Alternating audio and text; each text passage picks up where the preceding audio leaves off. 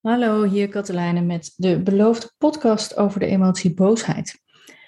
Het is niet een podcast zoals je van me gewend bent, dat ik gewoon een hele tijd uh, van alles vertel en jij luistert. Het is een oefening. Dus doe deze op het moment dat het handig is om een oefening te doen. Niet als je aan het autorijden bent of als je de hond aan het uitlaten bent. Nou, zou net kunnen. Het fijnste is om te doen als je alleen bent, op een plek waar je even niet gestoord wordt en waar je kunt ontspannen. Want het is een, uh, een oefening die te maken heeft met jouw binnenwereld.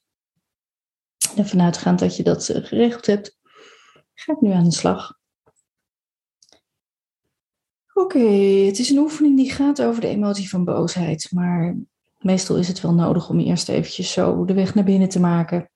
Dus te voelen waar je eigenlijk bent. Misschien ben je gaan zitten Misschien ben je gaan liggen. En maak gewoon eens even contact met je lijf.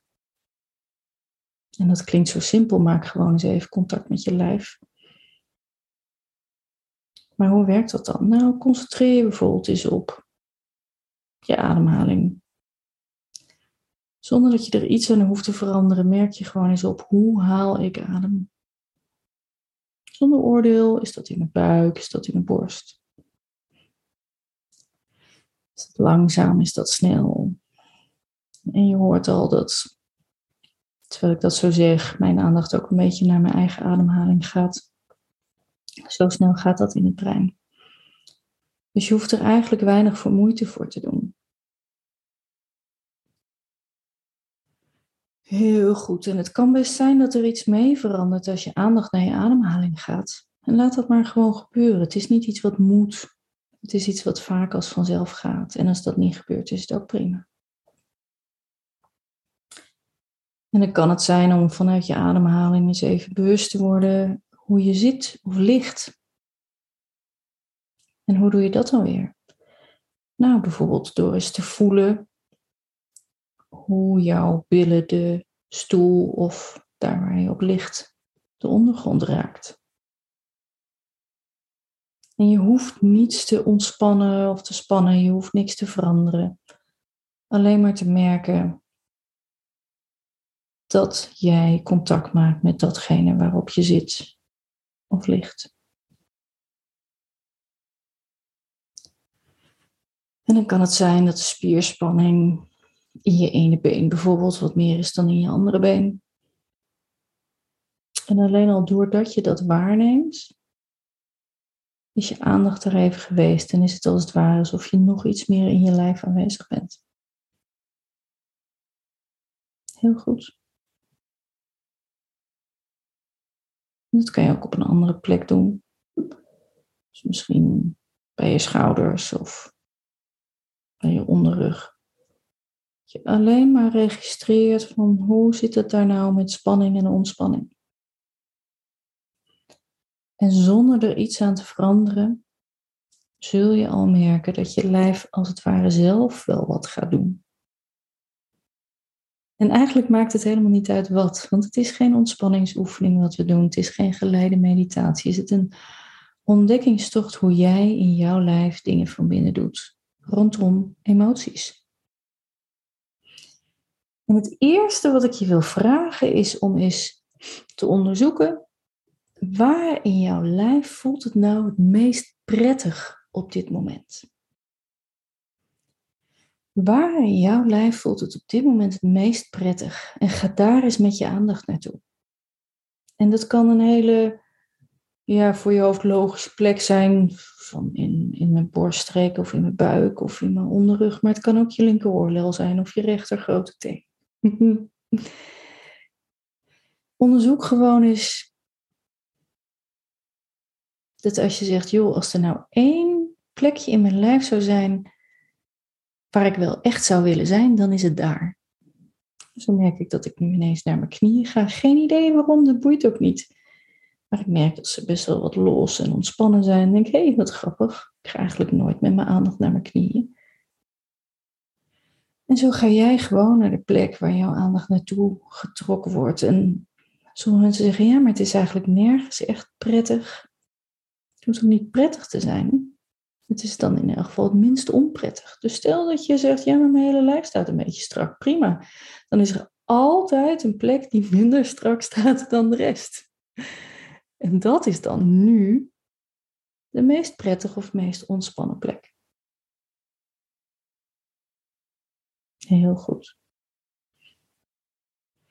En dan blijf je zo als een soort helikoptertje met je aandacht bij die plek cirkelen. En dan vraag je je af van joh, wat zou ik nou met mijn aandacht kunnen doen dat deze plek nog wat intenser aanwezig is. Bijvoorbeeld zou ik ehm, het wat warmer kunnen maken op die plek met mijn gedachten. Weet je, het is toch wel één grote mindfuck wat we aan het doen zijn. Dus je kan ook gewoon plekken warmer maken, of zachter, of groter, of kleiner. Dus daar gaan we een beetje mee spelen nu. Dus stel dat die plek waar jouw aandacht naartoe gaat, dat die lekkerder wordt als je het nou, misschien wat warmer maakt. Of wat steviger. Of wat groter. Kan allemaal. En jouw brein weet eigenlijk, jouw onbewuste deel, weet eigenlijk wel wat goed is. En merk maar eens dat als je zo een beetje sleutelt aan jouw waarneming van die plek, wat er in je rest van je lichaam mee verandert. Heel goed. Het kan best zijn dat er meer ontspanning ontstaat of dat het lekkerder wordt ook op andere plekken. Dus ga maar eens na wat er mee verandert op het moment dat je één plek nog een beetje aangenamer maakt. Puur door wat we in NLP submodaliteiten noemen. Oftewel in hoe het voelt, hoe je er naar kijkt, te veranderen. Heel goed.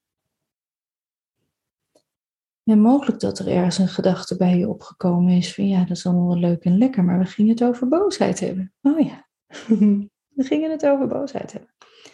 Dus als je nou denkt aan boosheid, ik kan me voorstellen dat, nou, wat we net gedaan hebben, je denkt, nou, daar kom ik niet zo makkelijk bij, maar dat maakt niet uit.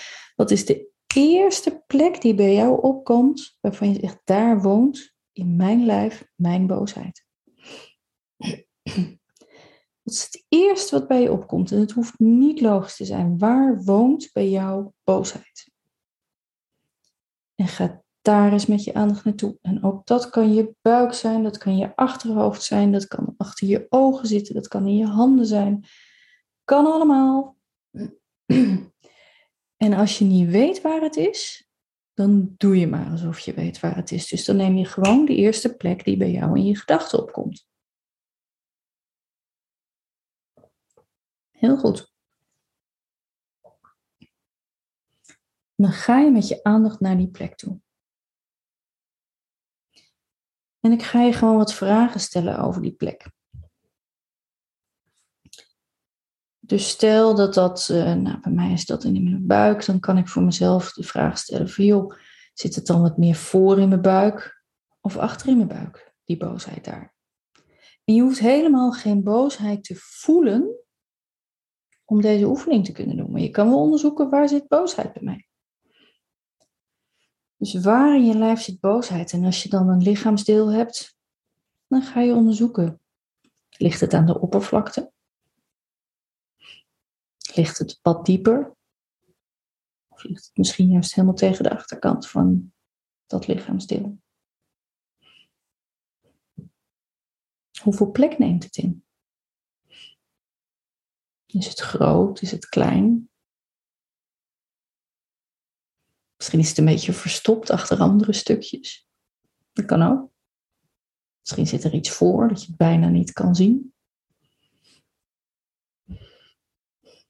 We zijn aan het onderzoeken, er is geen goed of fout. En er zijn ook niet betere antwoorden van als je het heel duidelijk weet, dan is het beter dan wanneer het een beetje vaag is. Sommige mensen voelen het niet heel precies of zien het niet heel helder en dat is net zo werkzaam, want jouw brein maakt van dat wat er wel is, chocola, oftewel betekenis, oftewel die emotie. En zo kan je jezelf bijvoorbeeld ook eens de vraag stellen: is het, is het een massief gevoel of is het juist een luchtig gevoel? Is het een beetje fluffy? Is het piepschuim? Is het watten? Is het baksteen? Hoe voelt het? Wat voor materiaal voelt het? Wat voor structuur?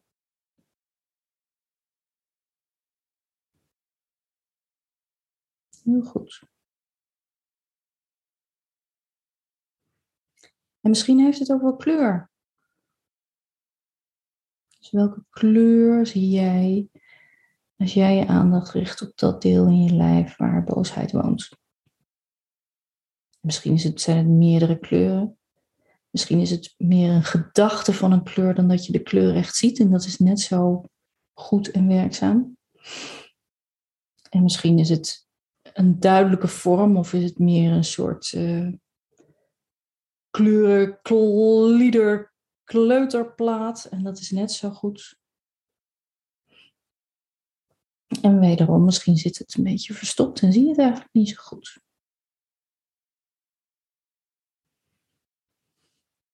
Hmm. Voor de mensen, als het nou voor jou wat verstopt zit, wat zou er nou gebeuren als je dat wat ervoor zit een beetje zo opzij schuift? Zodat je iets beter kunt zien of voelen wat erachter zit. Dus dat je dat, hoe jij boosheid van binnen ziet en voelt, dat je dat even iets meer naar voren haalt. En merk maar eens wat er in je lijf gebeurt. En welke gedachten dat weer oproept. Misschien roept je hele systeem wel, ja, maar dat gaan we niet doen. En dat is echt prima, want we zijn aan het ontdekken. Misschien zegt je brein wel, oh, dat is eigenlijk wel eens lekker dat het wat zichtbaarder wordt voor mij. En misschien is het bij jou juist andersom dat je denkt, oh, het is zo ontzettend aanwezig, het is zo zichtbaar, ik vind het wel een beetje veel. Nou, kijk eens of je het wat kleiner kan maken. Misschien kan je er, ja, als het ware een vitragetje voor doen, of weet ik veel hoe jij dat doet. Dat het ietsje minder zichtbaar is, zodat het ietsje minder impactvol is.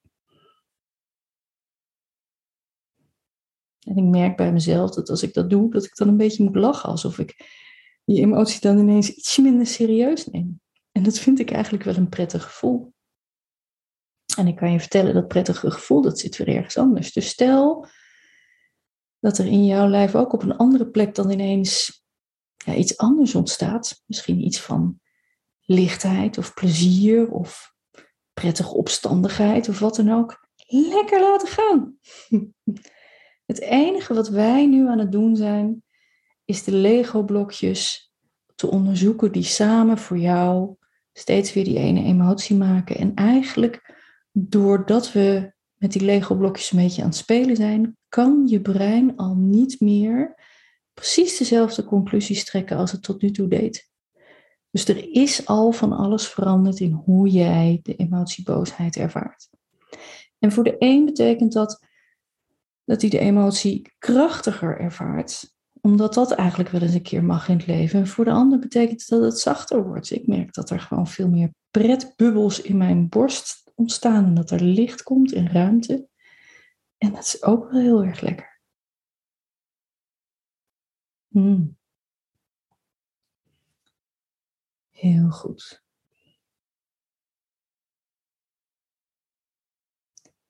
En terwijl je zo nog eens even nagaat bij jezelf. Goh, wat, wat, wat is er? Hoe is het nu? Hoe is het nu op de plek waar boosheid bij mij woont? Wat is er veranderd? Wat is er hetzelfde? Gaan we langzaam maar zeker deze oefening afronden, wetend dat je dit altijd weer opnieuw kan doen. En dat elke keer als je deze oefening doet, er weer een beetje mee verandert. Net zolang Totdat jij het zo hebt georganiseerd in jouw brein dat je erbij kan als je het nodig hebt. Maar dat als je het niet nodig hebt, dat het dan niet jou overspoelt. En besteed dan nog heel even een klein beetje aandacht aan daar waar het het meest positief veranderd is in jouw lijf. Dus voel eens even, als ik nu nog een keer zo helemaal langs mijn lichaam ga.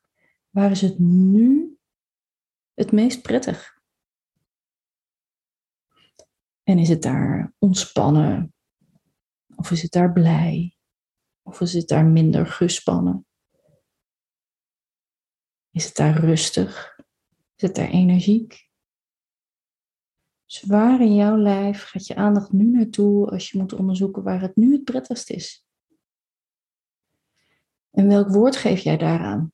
Aan dat gevoel op dit moment. En neem maar gewoon weer het eerste wat bij je opkomt. Het kan van alles zijn. Het kan plezier zijn, of alleen, of uh, energie, of stevig, of bloem, of gaan, of alles kan. En als je het nog krachtiger wil, dan zoek je nog een beeld wat bij dat ene woord hoort. Gewoon één beeld, een symbool, een metafoor. Wat hoort bij het laatste stukje van dit proces wat we nu gedaan hebben.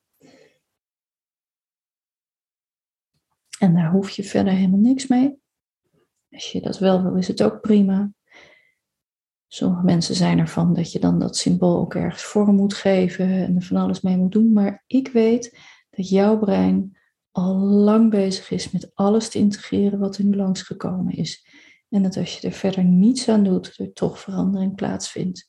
Simpelweg omdat de deurtjes open gegaan zijn. En als je met je tengels van die deurtjes afblijft, gaan die deurtjes niet meer dicht. Zo werkt het met deurtjes. Ik wens je een hele fijne dag verder. Tot de volgende keer.